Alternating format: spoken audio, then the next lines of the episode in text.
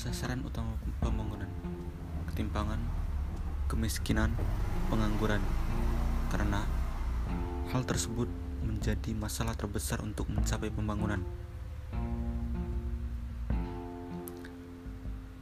Sasaran dapat tercapai dengan meratakan pembangunan meningkatkan pendidikan dan kesehatan masyarakat meningkatkan lapangan pekerjaan.